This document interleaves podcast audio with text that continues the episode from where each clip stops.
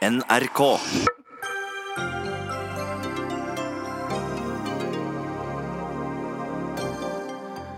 Russiske fartøyer skyter med skarpt utenfor Andøya og Mo i Rana. Dette er den største øvelsen i manns minne, og forsvarsminister Bakke-Jensen liker det ikke. Arbeiderpartiet trekker seg fra forliket om politireformen og skylder på regjeringen. Vanskelig å ta Ap alvorlig, mener justisministeren. Og samfunnsdebatten i Norge er langt skarpere og politikken mer polarisert nå enn før, mener professor. Han ser mørkt på at nettopp eh, de brede forlikenes tid er forbi.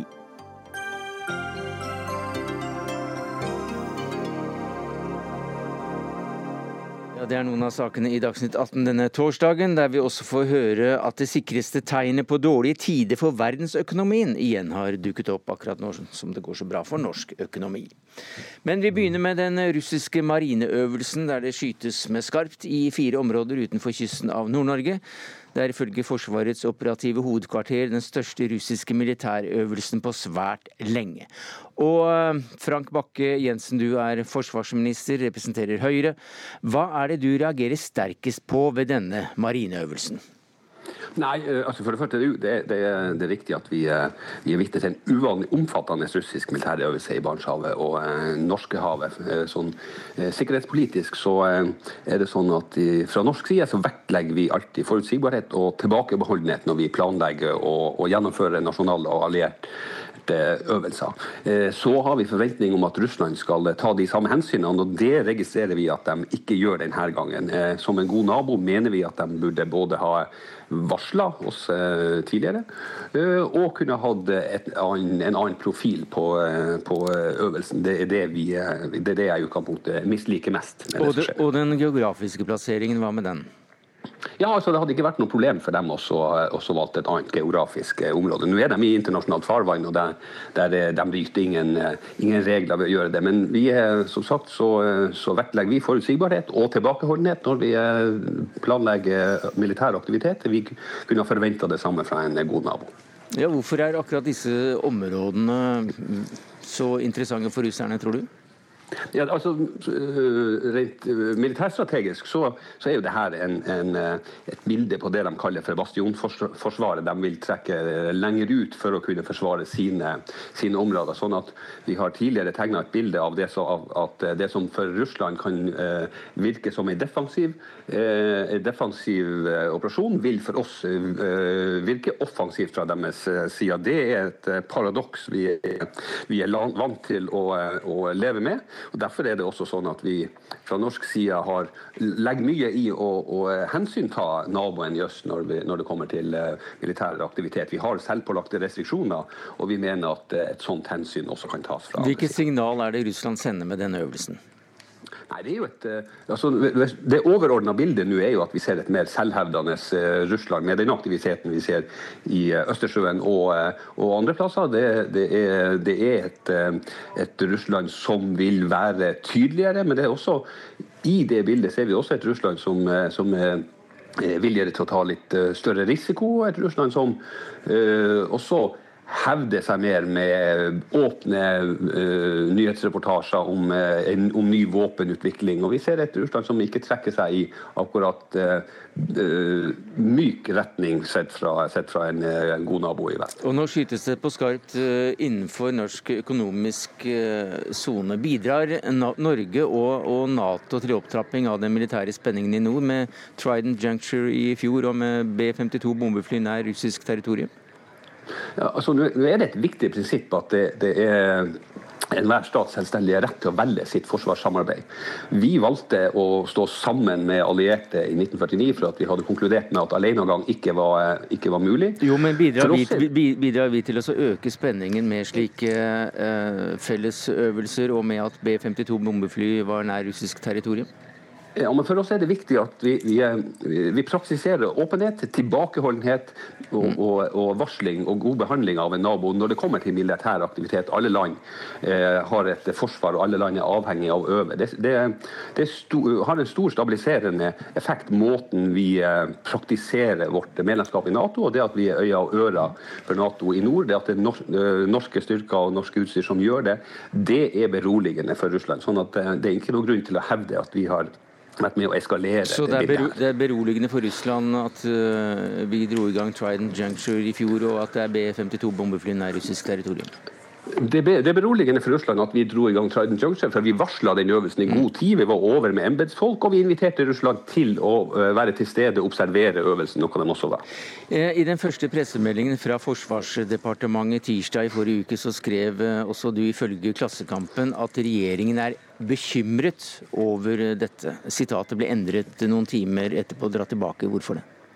Ja, det er, ikke, det er ikke dra tilbake, men Vi er bekymra over det overordna bildet med et mer selvhevdende Russland. Et mer, uforutsigbar, et mer uforutsigbart eh, bilde eh, sikkerhetspolitisk. Det er det grunn til å være bekymra. Men det er, grunn, det er, ikke noe grunn til å være bekymra over at eh, Russland øver med sine, sine, styrker. Det gjør de på en profesjonell måte. Og der er også militærfaglige begrunnelser for det. Sånn at vi misliker det, det de, altså prosedyrene i forhold til varsling av en god nabo. Det er det grunn til å mislike. Vi misliker også eh, formen på øvelsen der de gjør det.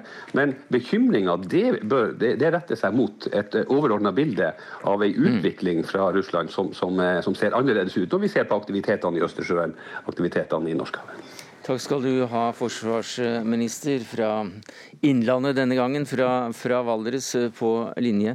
Rune Jacobsen, du er sjef for Forsvarets operative hovedkvarter. Hva er det eh, Russland vil med denne øvelsen? Det kan være mange ting. Vi, er, vi har sett en øvelse som starta 1.8 i, i Østersjøen, hvor hele Østersjøflåten øvde i Østersjøen. Så forflytta de seg over til Skagerrak, Nordsjøen. Eh, og nå er den delen av øvelsen avviklet, og de er nå til stede med et antall fartøy, ca. seks, eh, vest av Lofoten opp til, til Andøya. Marine... Ja, og, og Nordflåten deres er også med?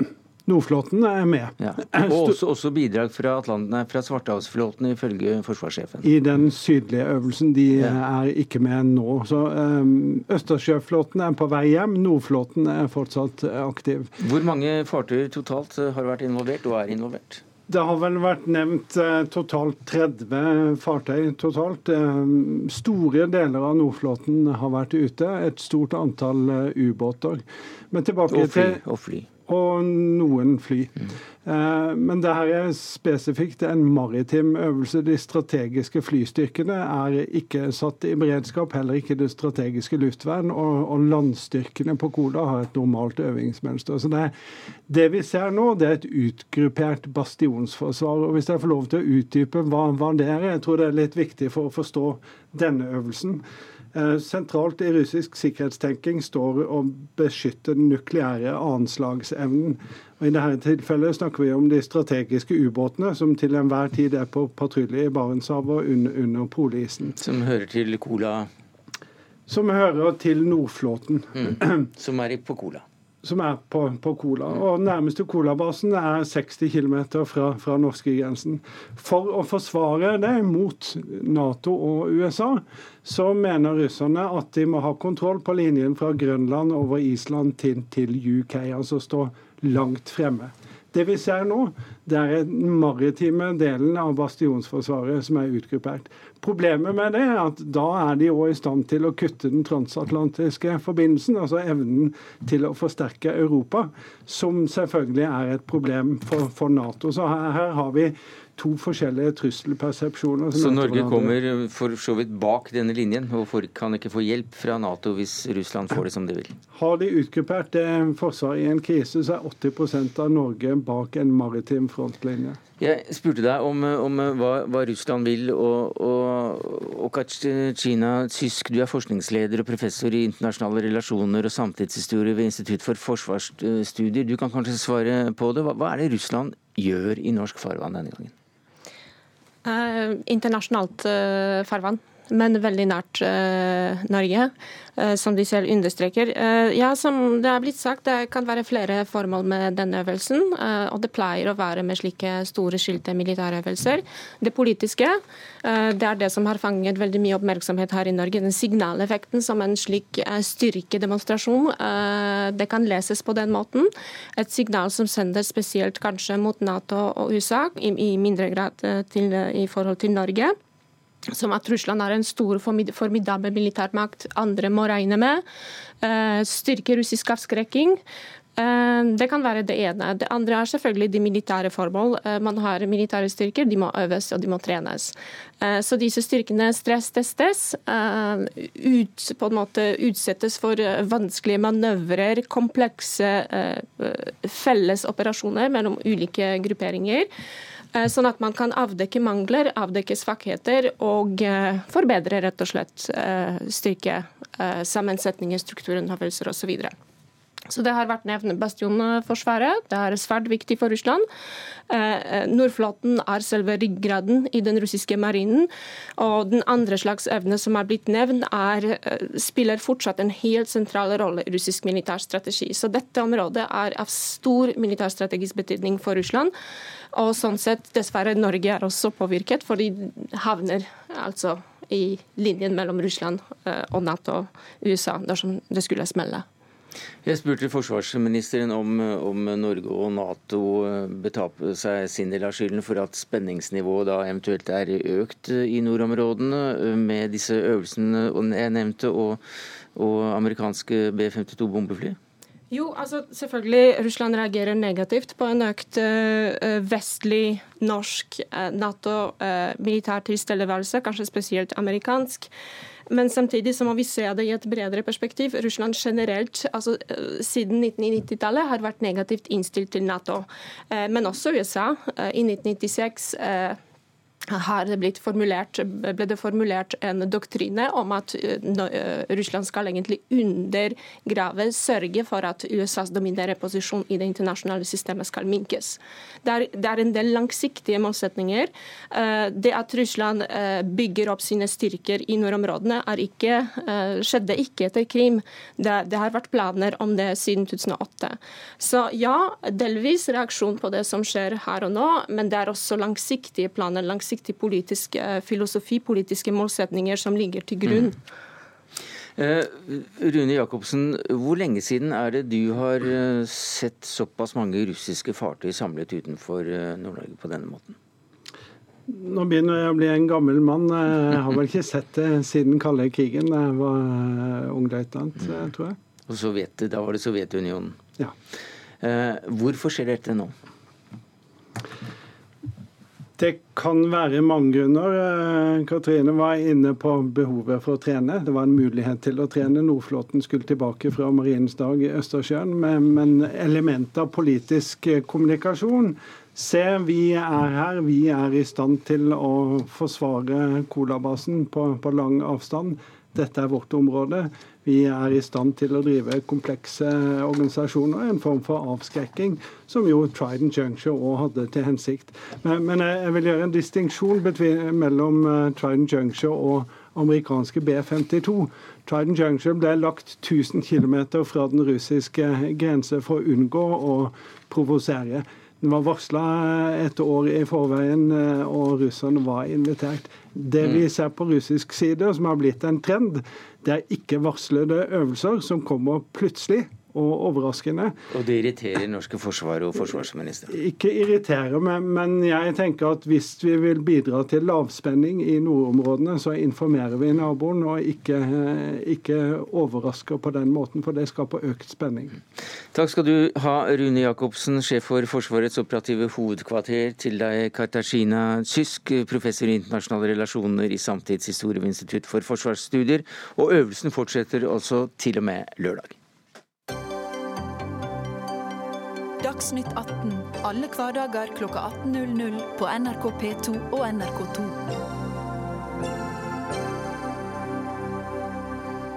Politireformen er eh, neste sak ut her i eh, Dagsnytt 18, for Arbeiderpartiet trakk seg som kjent i helgen fra det store og brede forliket anno 2015 som skulle gi oss et langt bedre politi. Og midt i prosessen er forholdene slettes ikke bra, skal vi tro politiet selv. Folk gråter på jobben, sa innsatslederen i Sør-Øst politidistrikt under en debatt nær, om nærpolitireformen i Arendal eh, i går. Så hva er det som er gale, Sigve Bolstad, du er leder i eh, Politiets Fellesforbund? Ja, punkt 1, Det var behov for en reform. Punkt 2, Det er tilført eh, betydelige midler til eh, norsk politi. Eh, og punkt 3, Det har vært en klar forbedring i forhold til en spisse kompetanse med et nasjonalt beredskapssenter, flere helikopter med mer. Men når det gjelder hverdagsberedskapen, altså det å være tett på befolkninga og styrke de tolv politidistriktene, så viser forskning og politiets egne tall at handlingsrommet ikke er økt med store bokstaver. Det andre punktet vårt, eh, ankepunktet vårt, klare ankepunktet, er at når det gjelder eh, etterforskning og etterforskningskapasiteten, så er den ikke økt de fem siste årene. Og Når man er kjent med den politiske dreininga, som er en fornuftig og klok dreining opp mot seksuelle overgrep mot barn og voldtekter og, og grove voldshandlinger, så viser også kapasitetsanalysen fra Politidirektoratet at man bruker 30% av kapasiteten på 3 eh, av sakene. Det ender opp, som forskning har vist, at man er en, en, spagat. Man er i en eh, ønsketenkning eh, imellom det som både byråkratene og politikerne ønsker. Vi står rett og slett i spagaten, dessverre. For dere, dere, har hatt deres egen undersøkelse der dere spurte politimenn om eller der de spurte folk i gata om de følte at politiet har kommet tettere på publikum. Hva var svaret? Det var et eh, klart nei fra samtlige tolv eh, politidistrikt. Og en del av de begrunnelsene som det ikke er noen grunn til å eh, være i tvil om, viser at man går i stikk motsatt retning av intensjonen i forhold til nærpolitireformen når det gjelder det å være synlig, tilgjengelig og til stede for eh, publikum. Så er det en del av nærpolitireformen. Rett skal være rett, men etter vår vurdering i Politiets Fellesforbund så er det en viktig del. Eh, og som, Den undersøkelsen som PF selv har gjort, blir understøttet av både forskning og politiets egne tall. Gøran eh, Kalmyr, du er justis- og innvandringsminister, representerer Frp. Dette er også da stikk i strid med intensjonen bak denne reformen. Hva sier du til det? Jeg har lyst til å understreke det at det er veldig mye som er bra med reformen også, og det er en nødvendig reform. Og Politi-Norge har også fått 1690 eh, flere politifolk siden 2014. Mm. Men det er altså da stikk, stikk, i strid, stikk i strid med intensjonen. Hva sier du til det? Hvis de, hvis de, får lov til å fortsette, så er det også slik at IOC anerkjenner Hvis du svarer på spørsmålet, så får du fortsette å stikke i strid med intensjonen. Hva sier du til det? Jeg anerkjenner det at det er utfordringer. Eh, og nettopp Derfor så var en av de første tingene som vi gjorde som justisminister, var å si at vi er nødt til å lage en melding, en, eh, en midtveisevaluering på en måte av hvordan politireformen går. For jeg ser det, at det er utfordringer. Vi er ikke i mål med de siste 10-15 av det som vi skal ha av resultater i eh, politinærreformen. Så min, min ambisjon nå det er å få greie å få vridd flere ressurser, både over til mer patruljering, men også over til et etterforskningsløft. Og Det er de tingene vi skal håndtere i den stortingsmeldingen som vi skal fremme til høsten. Men så var det da et, eh, ja, et mindre, men i hvert fall et politisk jordskjelv i helgen da det ble klart at Arbeiderpartiet trekker seg fra hele forliket. Hva er din reaksjon på det? Jeg vil ikke akkurat kalle det for et politisk jordskjelv. At uh, Jonas Gahr Støre Nei, altså Jonas Gahr Støre har en personlig ambisjon om å bli stats, eh, statsminister, eh, mens Arbeiderpartiet er mer kjent for å være et parti som står bak de store reformene og som gjennomfører dem. Men jeg registrerer at den tida er forbi, og eh, da blir det litt sånn vinglete fra Arbeiderpartiet. Det er ingenting nytt som har skjedd i arbeidet med politireformen. Arbeiderpartiet har lenge blitt varsla om at det kommer en stortingsmelding nå til høsten. Det eneste som har skjedd mellom da jeg tiltrådte som justisminister og eh, fram til nå, det er at politiet har fått 151 millioner mer i revidert nasjonalbudsjett nasjonalbudsjett. Ved siden av deg så har du vel også Lene Vågslid, du er stortingsrepresentant for Arbeiderpartiet, leder av justiskomiteen, også du i Arendal, som vi ser godt i bakgrunnen med skipene der. Eh, Vinglepartiet Arbeiderpartiet, hva sier du? Altså, det er jo regjeringen som vingler i denne saken. Arbeiderpartiet står fjellstøt med på det som vi ble enige om i 2015. Men eh, nå har vi hatt eh, sju ulike justisministre som på disse årene har forlatt den enigheten vi hadde. Den reformen som blir satt ut i livet nå, den ligner ikke i nærheten på den reformen vi ble enige med regjeringspartiene og KrF om. Så akkurat slik som Sigve Bolstad beskriver, når vi har en nærpolitireform som skal være ferdig om ett år, uten at noen av PFs lokallag opplever at eh, politiet er styrka ute, uten at etterforskningsløftet har kommet, samtidig som alle politidistrikter rapporterer om at eh, reformen er underfinansiert, da støtter vi selvfølgelig ikke det. Det var ikke intensjonen, det var ikke det vi ble enige om. Så det kan selvfølgelig ikke være noe jordskjelv. Heller ingen overraskelse etter at vi nå i halvannet år har konstruktivt bedt regjeringen om å fyge det forliket vi inngikk, men vi taler bare til mm. døve ører. Kalmer. Altså Arbeiderpartiet har eh, fått uh, følgesforskninga av politireformen for over et halvt år siden. Uh, de har visst om hvor vi ligger hen uh, i over et halvt år.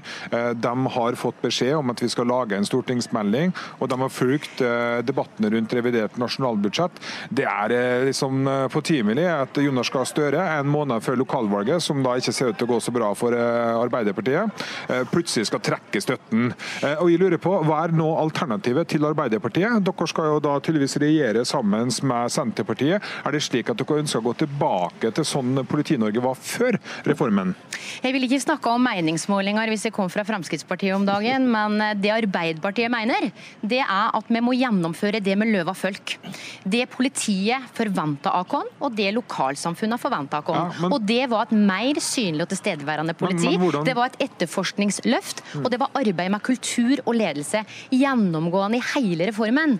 Og det kan ikke være slik, Gøran Kalmer, at alle medlemmene til Sigve Bolstad tar feil. Mener du det? Jeg har ikke sagt det at de tar feil i hele tatt. Jeg har sagt at dette er ting vi tar på det største alvoret. Og det er jo, det er jo pga. de tilbakemeldingene at vi nå lanserer at vi er nødt til å ha justeringer i reformen. Så Det er ting vi tar på alvor. Og det er ting egentlig dere i Arbeiderpartiet fikk vite om for lenge siden at vi har tatt på alvor. Det som er mitt store spørsmål nå til Arbeiderpartiet, det er jo at eh, nå har dere trukket dere fra et bredt forlik. Nå står dere igjen med noen andre partier, sånn som Senterpartiet. Så dere må jo nå prøve å lage et slags forlik med Senterpartiet. og Da lurer jeg på hvordan man har tenkt å klare det. For Senterpartiet de mener at vi skal ikke ha noen politireform i hele tatt. De mener at den kvalitetsøkningen som vi har fått i etterforskningsarbeidet, den er ikke verdt noe. De vil gå tilbake til flere lensmannskontor som åpner noen timer hver dag, istedenfor å etterforske alvorlige overgrep mot barn og unge, eh, som politireformen nå har gjort et norsk politi i stand til å gjøre. Jeg skjønner at det er vanskelig for Gøran Kalmyr å ta inn i seg realitetene. Ser du på de alternative budsjettene til Arbeiderpartiet, Senterpartiet og SV, så tar de opposisjonspartiene situasjonen i politiet på alvor. Og når vi har vært her i Arendal og hørt historiene fra bl.a. Arne Gaudal, rapporter som viser at etterforskere griner når de er på arbeid, for de får ikke gjort jobben sin. Fordi kapasiteten er sprengt. Fordi ofre for kriminalitet står i uverdige lange køer, mens de kriminelle får strafferabatt. Det kan umulig være slik at det er Fremskrittspartiets svar på justispolitikken. Jeg mener det er regjeringen som vingler. De har forlatt et bredt forlik. Det er synd for eh, Politi-Norge, og det er synd for de lokalsamfunnene som gikk med på store endringer fordi de forventa å få et eh, styrka nærpoliti, som du og dine seks forgjengere ikke har greid å levere. Sigve, eh, for oss i Politiets Fellesforbund, eh, tre punkt til forbedringer og endringer. Punkt én, og det viser også Difi-rapporten og det viser forskning på området. Man må justere ambisjonsnivået i reformen. Det er punkt én. Punkt to, det er på høy tid at alle de som går ut av Politihøgskolen får jobb. Det var også en politisk lovnad. Og det tredje, som Lene også er inne på her, det er på høy tid å få på plass et eh, sårt tiltrengt eh, etterforskningsløft. Eh, og Når det gjelder forebyggende, litt som, som statsråden er inne på, så, så er det viktig å, å, å være veldig klar over at det forebyggende, det er forebyggende, det, er arbeidsmetodikken Eh, som skal brukes eh, som en rød tråd gjennom alt det vi eh, driver med.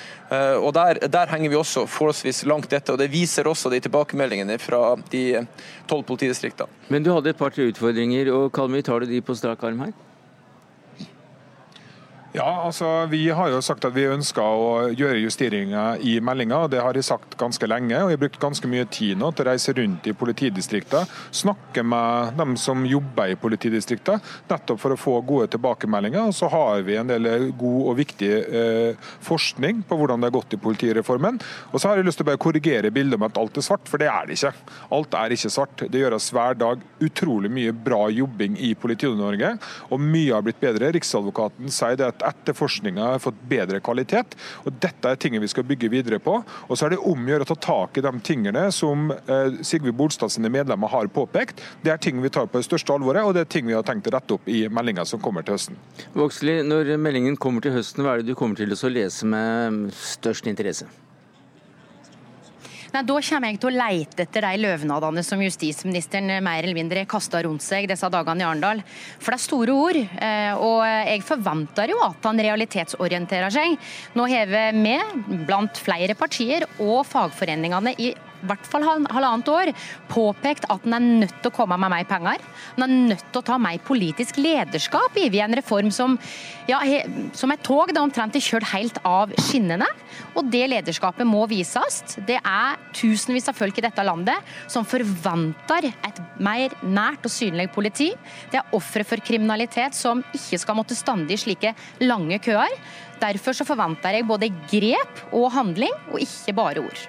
Klokkene ringer for dere, hører vi i Arendal. Takk skal dere ha. Gøran Kalmer, justis- og innvandringsminister. Sigve Bolstad, leder av Politiets Fellesforbund, også kalt PF. Og Lene Vågslid, stortingsrepresentant for Arbeiderpartiet og leder av justiskomiteen.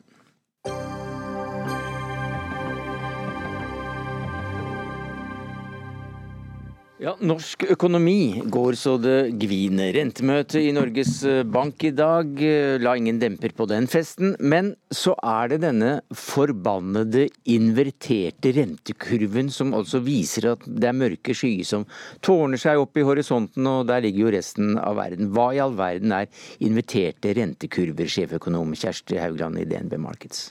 Det er en eh, situasjon der de lange rentene altså det er renta på f.eks. i dette tilfellet en statsobligasjon eh, i USA med ti års løpetid. Den renta der er nå på 1,5 omtrent. Eh, og det er da lågere enn renta på å låne på tre måneders sikt for den amerikanske staten.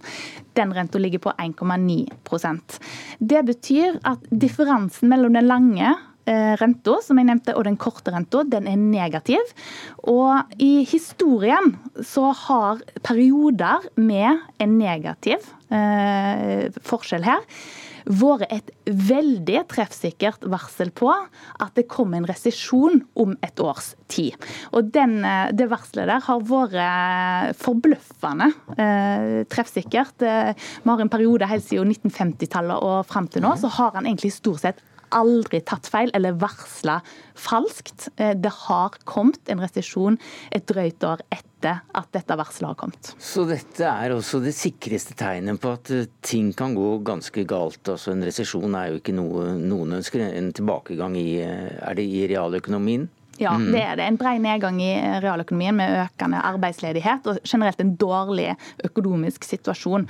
Og Vi kan jo ikke si heller at det er sikkert, fordi at vi vil jo òg argumentere for at Eh, det er spesielle forhold i rentemarkedene nå som presser denne lange renta ned. Altså Sentralbanker verden rundt har eh, begitt seg ut på spektakulære tiltak i det tiåret som har gått, og pressa eh, rentenivået ned. Vi har fortsatt en veldig spesiell situasjon, altså høye balanser i sentralbankene, som betyr egentlig at sentralbankene sitter på veldig mange verdipapirer. Og dette presser da rentene mm. ned. Og frykt og uro eh, er med på å å, å presse disse ned.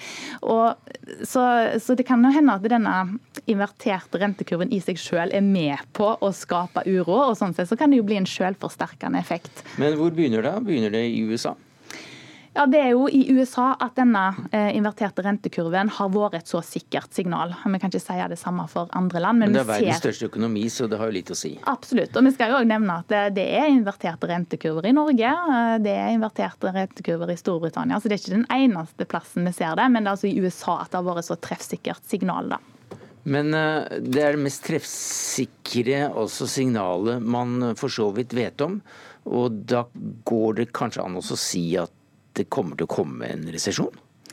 Ja, Det er så enkelt, eh, mener jo at det ikke er. da, fordi eh, Vi kan òg argumentere for nettopp det, at det, denne gangen er det annerledes. Og denne 'this time is different'-tankegangen eh, er selvfølgelig skummel. fordi det har folk sagt før og tatt feil. Og i tilfelle med denne inverterte rentekurven. Men jeg mener det at det er spesielle forhold i rentemarkedene i dag, i og med mm. at den normale renta er veldig låg, og så har vi denne ekstreme sentralbankpolitikken som har pusha rentenivået videre ned. Det er ikke sikkert vi får like eh, gode og treffsikre signaler for rentemarkedene nå enn vi har vært vant med å få. Så eh, klart at vi skal ta dette her på alvor, og risikoen for at det skal inntreffe, den er definitivt økt. Men vi har f.eks. Inn, ikke inn i våre anslag at det skal bli en resesjon i USA. Einar Lie, professor i økonomisk historie ved Universitetet i Oslo. Tror du på, på denne inverterte rentekurvens forutsigbarhet når det gjelder resesjon? Ja, den er, har vært treffsikker over tid. Jeg, jeg, er enig i det som blir sagt. Den er, øh, den er kanskje ikke så treffsikker når man ser på alle punktene bakover. Uh, La meg først understreke at Et sånn fellestrekk med kriser, og særlig store kriser, det er jo at man ikke har forutsett dem. Eh, eller noen har gjort det, og enda flere mener i ettertid at de gjorde det. Men de som er satt til å løse kriser, finansdepartementer og sentralbanker og organisasjoner, har stort sett ikke gjort det. Der er det en utfordring. Men så forsøker man jo i ettertid å lage mening i de krisene man har, og så finne uttrykk og, og, faktorer som man kan fortolke. Og Der er den inverterte rentekurven interessant, men som du peker på, så er det spesielle trekk ved rentemarkedet i dag som kanskje gjør at det ikke er så lett å fortolke den. Og så er det jo sånn at når avkastningen på de lange rentene blir lav. Det er jo ikke alltid det er en, en forventning om krise. De største utslagene hadde man vel i USA i 79, 80, 81. og det er jo fordi sentralbanken sa at man skulle bekjempe inflasjon og at renten skulle ned på lang sikt. og Da fikk man det samme bildet fikk man også en krise pga. at de kontraktive tiltakene virket så sterkt. Men, men det blir i ettertid fortolket uh, som at man mm. forutså krisen, og det er nok å ta i litt. sånn at det er, Ofte så er det jo det er en del velkjente faktorer som er inne og skaper kriser. Høy gjeld, store ubalanser osv. Men så kommer det ofte noe spesielt og noe nytt eller noe uventet som gjør at at det å forutse kriser er en vanskelig sport, selv om man For historien må prøve gjentar seg aldri, i hvert fall ikke én til én. Cecilie Langum Becker, du er økonomikommentator her i NRK. Det er litt rart dette her, for, for du rapporterer jo at Norge går så det gviner, og, og rentemøtet i dag eh, hjalp uh, lånekunder opp av senga med et, med et, smil. Og i det hele tatt så er det et godt framtidsbilde for norsk økonomi. Og så skjer dette her uh, plutselig, og så skjer det ingenting i Norge. Hvorfor det? Nå, det er jo ganske trøblete for Norges Bank akkurat nå. For det er jo som du sier, det går veldig godt i, i norsk økonomi. Vi har lav arbeidsledighet, eh, lønnsveksten er høy, og som norsk økonomi er veldig sterk. Og Det skulle jo tilsi at Norges Bank eh, skulle heve renten. og Det har vært det som har vært egentlig planen til Norges Bank. Så ser man nå at bare fra juni, som var det forrige rentemøtet, til august, eh, altså rentemøtet i dag, så er de nå enda mer bekymret for denne utviklingen i verdensøkonomien. Og det at ja, vi får ikke noen, eh, noen, renteheving i dag. Det var ventet, og det ville vært oppsiktsvekkende hvis de hadde hevet renten i dag og på en måte fremskyndet eh, planen sin. Men de gir også signaler nå om at eh, Kanskje ikke det kommer en renteheving i september allikevel, kanskje skyver de den til desember. Eller kanskje, som eh, Kjersti Haugland har vært inne på tidligere i dag, at eh, kanskje vi nå tar oss en, en, en lang pause. At rentehevingen er over for denne gang. Det, det, er ikke et bra tegn. Det betyr jo at Norges Bank er ordentlig bekymret for robust Norge er i forhold til all den uroen vi nå ser i verdensøkonomien. Ja, men eh, La oss holde oss litt til den robustheten som jeg hører du si at, at norsk økonomi har. For uh, hvorfor er da hvorfor er da kronekursen så lav? Så hvis, eh, hvorfor hiver ikke eh, man amerikanske dollar og, og, pund og danske kroner ut, og så kjøper man norske kroner istedenfor, hvis eh, den norske, krona er, den norske økonomien er så stabil og god? Ja, og så har man jo også dette renteargumentet at vi har relativt sett høye renter her i Norge. Så det også skulle tilsi at vi hadde en, en, høyere kronekurs. Men det er all denne frykten og all denne usikkerheten der ute som gjør at investorene de har ikke lyst på norske kroner. Norske, norske kroner er en bitte liten valuta. Det er ansett som svært usikkert å eie denne valutaen. Så når det er så usikre tider, så vet investorene også av erfaring fra f.eks. finanskrisen at når det først smeller, så er det vanskelig å komme seg ut av norske kroner. Så da velger de heller å, å la være å handle i norske, norske, kroner. Så Det er eh, den forklaringen som blir mest eh, brukt. Men det er jo veldig mye som da skulle egentlig tilsi som du sier, at norske kronen var sterk. Og bl.a. Nordea har omtalt dette som det store kronemysteriet. Ja, nettopp. Men eh, denne inverterte rentekurvtenkingen, og hvis det da blir en, en resesjon, hvordan kan det påvirke oss, og hvor lang tid tar det før det, før det når Norge? Tenker du på rentekurven, eller tenker du på, Jeg tenker på den frykten som disse, denne rentekurv, eh, dette symbolet på, på dårlige tider, inverterte rentekurver, kan medføre. Og så går det dårligere i USA. Hvor lang tid kan det ta før vi merker det i Norge? Det trenger jo ikke ta så veldig lang tid. Altså, enn så lenge så er vi jo veldig skånet for alt som har skjedd uh, ute. Men med en gang veksten i verdensøkonomien stopper helt opp, så vil jo også etterspørselen etter norske varer som vi eksporterer, eksporterer, den vil jo også falle. Man ser jo det allerede gjennom oljeprisen, som er langt svakere nå. Fordi man har en forventning om at ikke verden kommer til å trenge da, like mye olje, f.eks. Så med en gang det begynner å slå inn, at uh, utlandet etterspør eh, færre av våre varer, varer, så betyr jo det at norske bedrifter vil eh, begynne å tjene mindre penger. Det vil gå utover norske arbeidsplasser eh, og, og, få økt ledighet. Og så, og så kommer dette til å, til å, forplante seg. så Det er jo det Norges Bank er eh, veldig, veldig redde for, og, som, som, de er bekymret for at kan skje. Det er, det er, ikke i morgen, men det er samtidig ikke så fryktelig langt unna hvis vi nå får en veldig sånn bråstopp i verdensøkonomien. vi hørte deg i, i morges i P2s Nyhetsmorgen forklare hvorfor bankene plutselig setter ned renten eh, i Norge, og at, eh, det også, at fastrenten nå i flere banker går under den flytende. og Det er jo pussig, det òg. Ja, altså det, Dette henger jo da sammen med alt som skjer i, i verdensøkonomien. Eh, man, jo, eh, man, ser jo sant, utslagene i både valutamarkedet, i aksjemarkedet, i råvaremarkeder. Men så har man jo også det som Kjersti har vært inne på her. Eh, man har et marked for renter. og Dette markedet speiler jo også uroen. For nå tror da markedsaktørene at sentralbankene rundt omkring kommer til å ta i bruk en del verktøy for å holde hjulene i økonomiene i gang, og da bl.a. negative renter. Og Da tar markedsaktørene litt sånn veddemål veddemål på at det kommer til å skje, og da faller eh, rentene. Så når norske banker setter ned fastrentene, så gjenspeiler det egentlig bare at det er en svakere fremtidstro der ute, som ikke er spesielt positivt, selv om da lånekundene i Norge kanskje kan oppfattes som positivt at, at de kan gjøre på en måte eh, det som kanskje oppfattes som en god deal da, på, på et boliglån.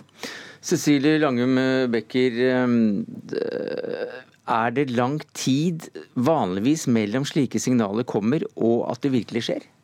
Tenker du på resesjonssignalet? Ja. Er det ikke, den, akkurat den, den inverterte gildkurven, er det ikke omtrent 18 måneder jo, det de sier? Mm. Etter to år eh, er det som er den vanlige varslingstida. Så det har vært ganske treffsikkert eh, Så, i de ti årene vi har bak oss. Om halvannet år klokka tolv på formiddagen? Ja, nærmere sånn kunne en, eh, kunne en, ha sett. Men som sagt, jeg tror, at, eh, jeg tror nok ikke at denne gangen eh, at vi kommer til å se nettopp en resesjon. Fordi at det er spesielle forhold som har ført rentene langt ned over en lang periode, og nå får du dette ekstra skyvet fra sentralbankene. Og dermed så tror jeg at vi får litt litt gale signaler fra rentemarkedene denne gangen. Men eh, vi får jo vente og se, så får vi fasiten etter hvert. Takk skal du ha, Kjersti Haugland, sjeføkonom i DNB Markets, Cecilie Langenbecker, økonomikommentator her i NRK, Einar Lie, professor i økonomisk historie ved Universitetet i Oslo. Jeg må be deg bli sittende igjen.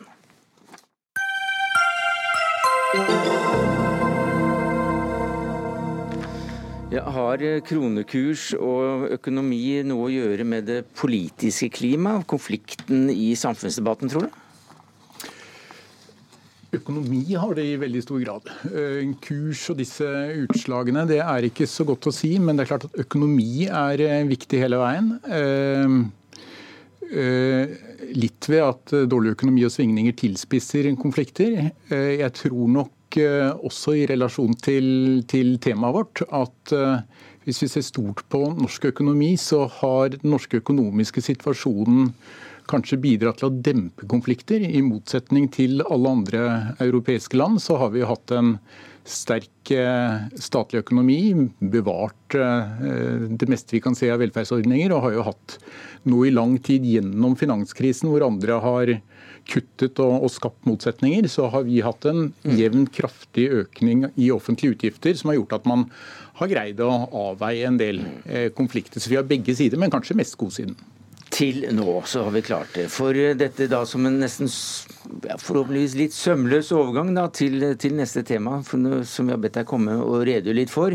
For mm, som Arendalsuka ruller og går med bølgeskvulp og, og trange smug, og øyevitner der nede sier jo da at de ser politiske motstandere gå bryggeslengvandring i, i pollen. Men du skriver i Aftenposten at virkeligheten i norsk samfunnsdebatt, det er at den er blitt langt skarpere og mer polarisert enn den har vært i manns eh, minne.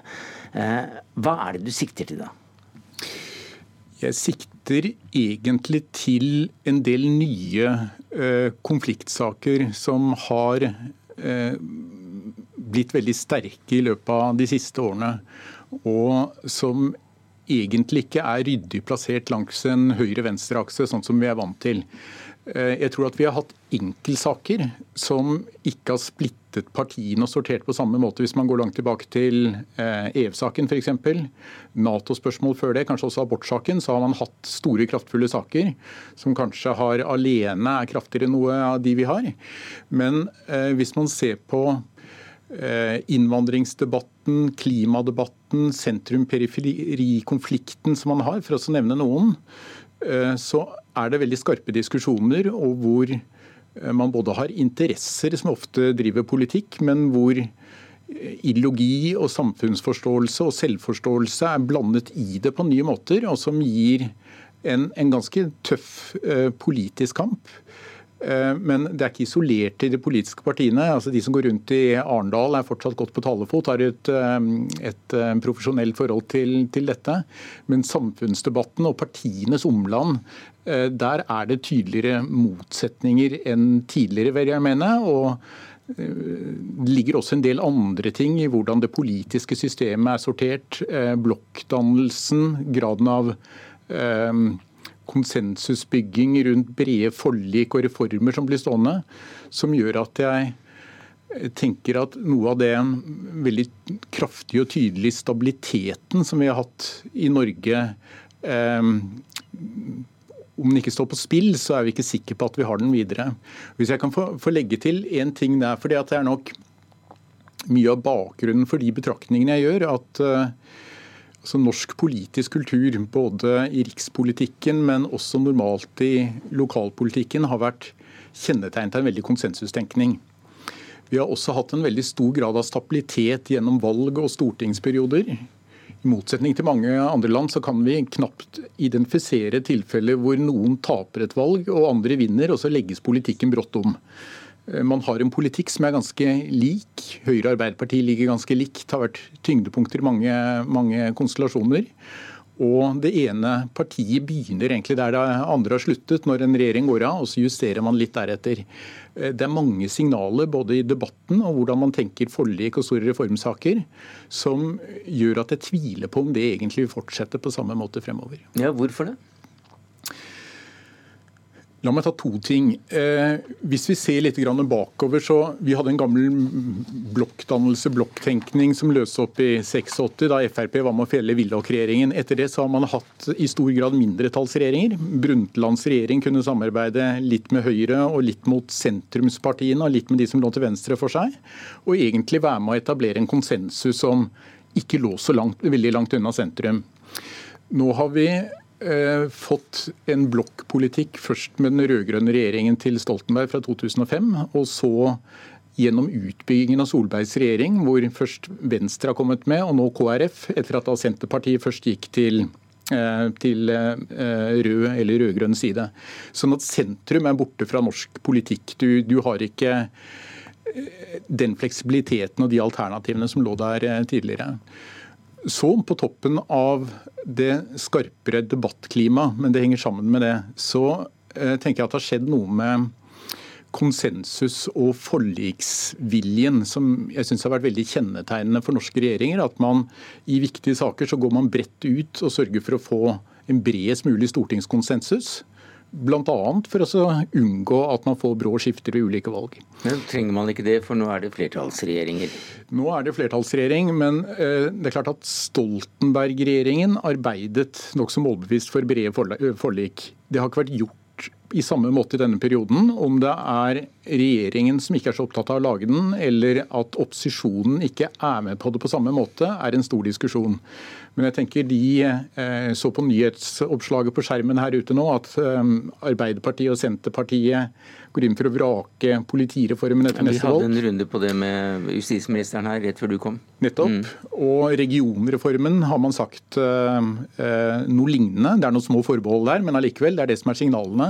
Og det, det er veldig utypisk norsk. Altså Ut ifra det jeg var inne på, at en regjering overtar der en annen har sluttet. Hvis man kommer to år frem til neste stortingsvalg hvor man ville ha arbeidet voldsomt med disse reformene, det er jo gått årsverk i alle retninger, og man har flyttet folk osv. Og, så og det å bryte opp og reversere det og Gjenstår å se om man gjør det. Men det å, å, si at man skal gjøre det, det forplikter også litt. Eh, det er et stykke på vei nye toner, og som legger seg på de elementene jeg nevnte tidligere, altså et hardere debattklima, og at blokkdannelsen er tydeligere enn den har vært på lenge. Men eh, du, det tilsier vel da at det blir klarere skillelinjer også da, mellom politiske partier som gjør at det er viktigere, at valg blir viktigere? Ja, eh, det tenker jeg nok. Eh, og så kan man komme med noen motforestillinger der også. Men, men først bekreftende så tenker jeg at det er det å eh, jeg tenker i en lang linje, nettopp i og med at man ikke har så brå endringer ved valg. Så, så vil en endring i denne retningen kunne bryte opp det. Sosiologen Stein Rokkan hadde en sånn one-liner fra 1966 som er mye sitert, at eh, stemmer teller, men ressurser avgjør. Det er liksom de tunge organisasjonene og det som ressursene i organisasjonslivet som styrer dette.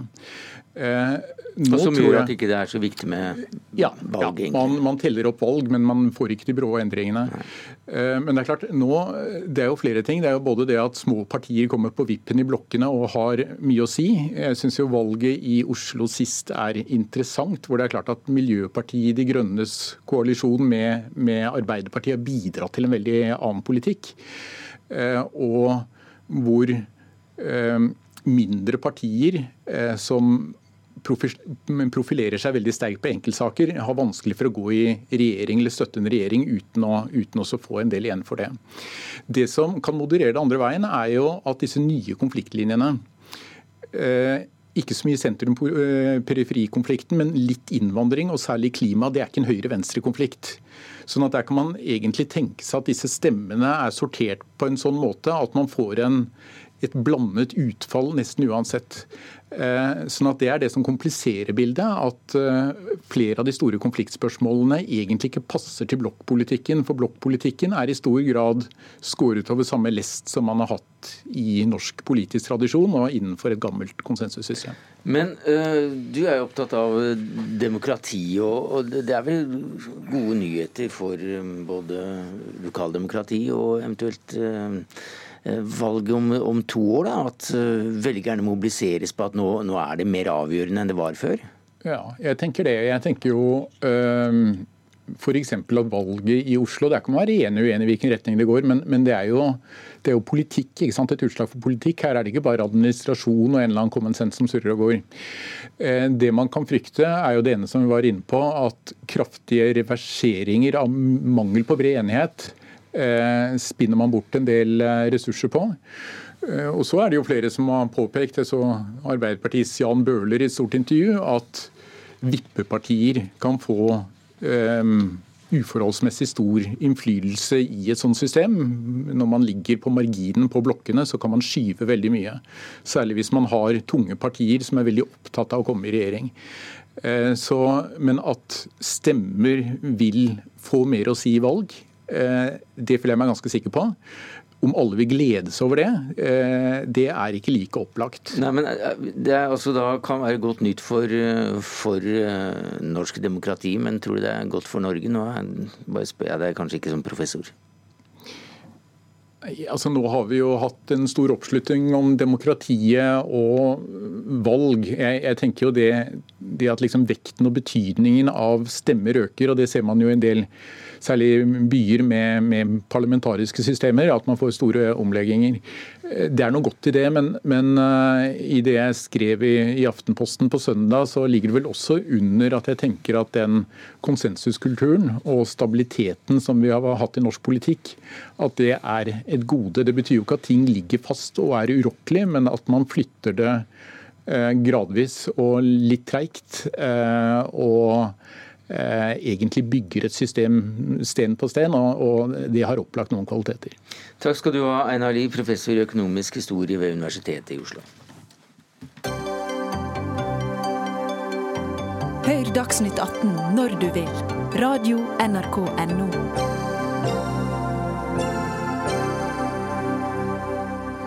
Og så nettopp da mot slutten til norsk eh, valgkamp, og til en av de tydeligste sakene der høyre- og venstresiden går hver sin vei, forholdsvis uforsonlig, og skjerper samfunnsdebatten, nemlig eldreomsorgen og om eh, bestemor skal ut på anbud, som det het i sin tid. En ny NHO-rapport har nemlig målt kvalitet og pengebruk innen sykehjem og hjemmebasert omsorg i Norge, og resultatet ja, Det viser seg at det er best omsorg i kommuner som samarbeider med de private.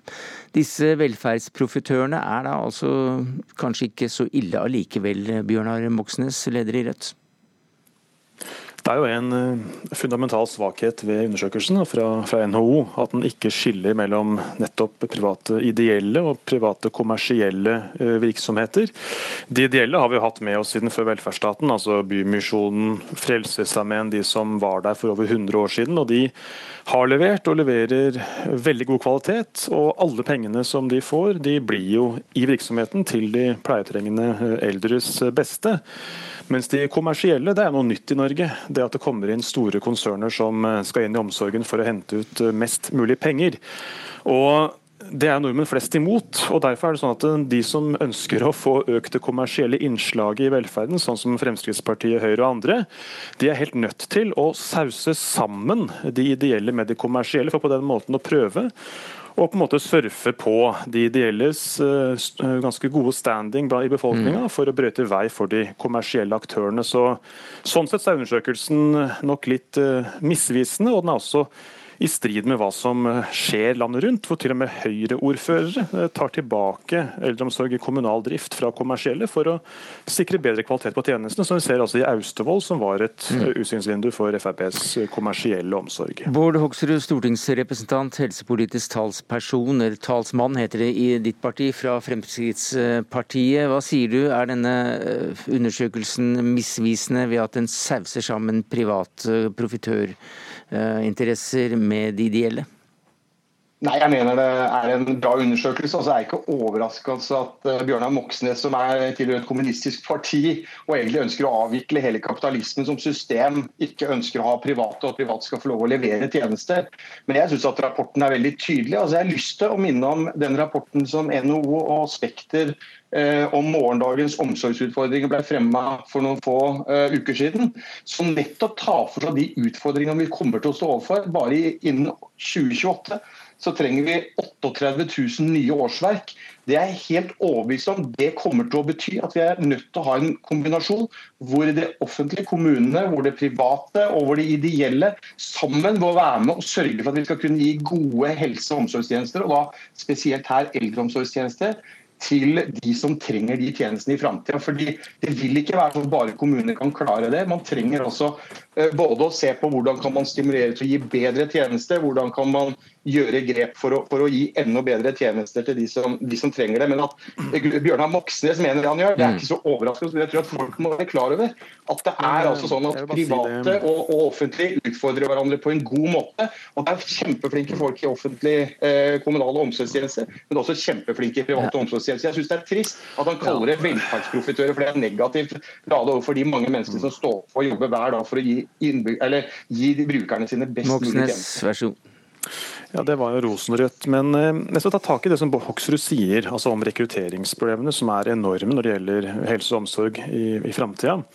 Det interessante der er jo at det er dokumentert gang etter gang etter gang, senest nå i fjor høst, at uh, på de kommersielle eh, sykehjemmene så tjener eh, fagarbeidere, helsefagarbeidere eh, opp mot 84 000 kroner mindre i året i lønn, og har en langt dårligere pensjon. Og Det er jo ikke rart fordi at hovedutgiften på et sykehjem, eller i velferden for øvrig, det er jo lønns- og pensjonsutgifter. og Skal man få et stort overskudd, så er metoden for å sikre det å få ned kostnadene.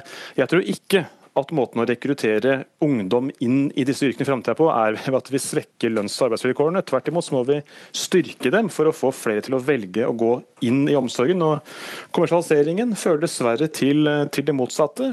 Og Det samme ser vi i den store rapporten eh, fra Sverige, som har gått i spissen for nettopp eh, kommersiell eh, omsorg, med, altså med gjennomføring av loven om, om valgfrihet i 2009.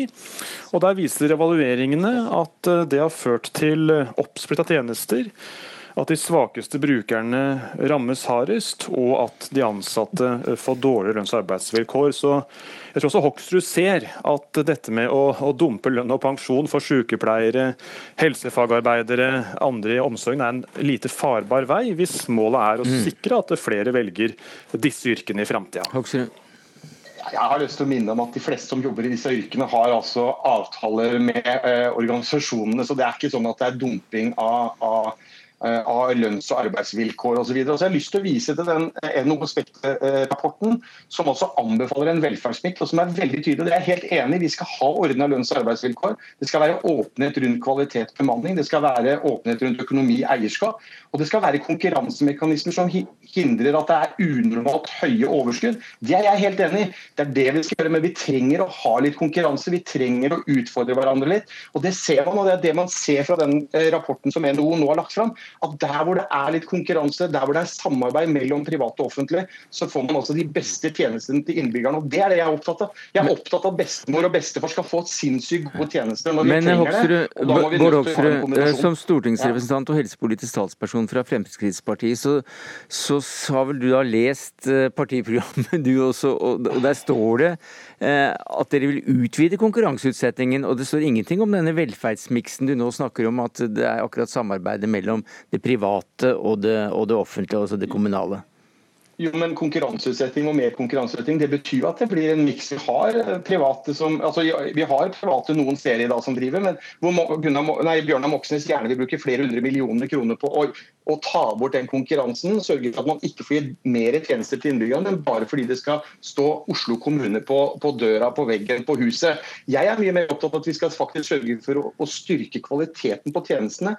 Jeg mener at en velferdsmiks hvor det er både private og offentlige, det er kjempebra. Og i Oslo jeg har ikke engang opplevd at Bjørnar Moxnes mm. mener, at, uh, mener at hjemmetjenesten skal tilbake og rekommunaliseres. Der er det konkurranse. Folk er strålende fornøyd. Det viser at brukerne og de som trenger tjenestene, ønsker å ha denne miksen. og Det er det jeg er opptatt av at vi skal få. Moxnes, vær så god. Moxnes må slippe til deg. Unnskyld at jeg avbryter deg, Hoksrud. Moxnes. Ja, mm. Men altså Det som er spesielt da med velferdstjenestene, det er jo at uh, brukerne, altså la oss si 95-åringen i eldreomsorgen uh, eller småholdningen i barnehagen, de er jo sårbare brukere av, av komplekse tjenester. Uh, de er ikke i samme situasjon som, som, kunden i klesbutikken. De er utlevert til andres makt og andres beslutninger på en helt annen måte enn, enn det vi er som en kunde i en butikk. Og Det er jo spørsmålet som er politisk interessant, det er jo om, om det kommersielle profittmotivet bør få påvirke rammene for møtet mellom sårbare brukere på den ene sida og system som skal ivareta dem på den andre sida. Og Til det spørsmålet svarer nordmenn eh, flest faktisk nei. Fordi mange av oss tror at eh, profittmotivet vil presse i retning både eh, lavere og billigere bemanning, og at det kan øke faren for at det blir gjort feil. og At det derfor bør holde profittmotivet unna de mest sårbare blant oss. Men så er vi enige om én en ting, da, og det er jo at, det er at vi, trenger, vi trenger en miks av forskjellige aktører, ikke de kommersielle. Men vi i Rødt er veldig for at vi skal ha de private ideelle innen både barnehagene og eldreomsorgen. Så er paradokset at Fremskrittspartiets politikk eh, for velferdsprofitører fører jo til at det er de ideelle først og fremst som blir skvist ut av barnehagesektoren, av eldreomsorgen. fordi de taper jo naturligvis i konkurransen mot svære mm. oppkjøpsfond, kapitalsterke selskaper som, har, som konkurrerer ut de ideelle mm. gjennom at de klarer å presse lønn og pensjon lenger ned. Så Hoksruds politikk gir altså mindre mangfold enn det er det, er det en villet politikk fra Frp? Veldig kort. Nei, altså, det, det, er ikke, det er jeg som er en villig politikk, er at folk skal få valgfrihet, få mulighet til å kunne velge. Ellers opplever jeg at Bjørnar Moxnes setter på repeat-knappen og vil ikke ta inn over seg både forskning, rapporter og andre ting som viser at men det der, å ha konkurranse de har Men hvis repeat-knappen er på, så slutter vi der. Bjørnar Moxnes, leder i Rødt, og Bård Hoksrud, stortingsrepresentant, helsepolitisk talsperson for Frp. Det var det vi rakk i Dagsnytt 18 i dag. Vi høres igjen i morgen.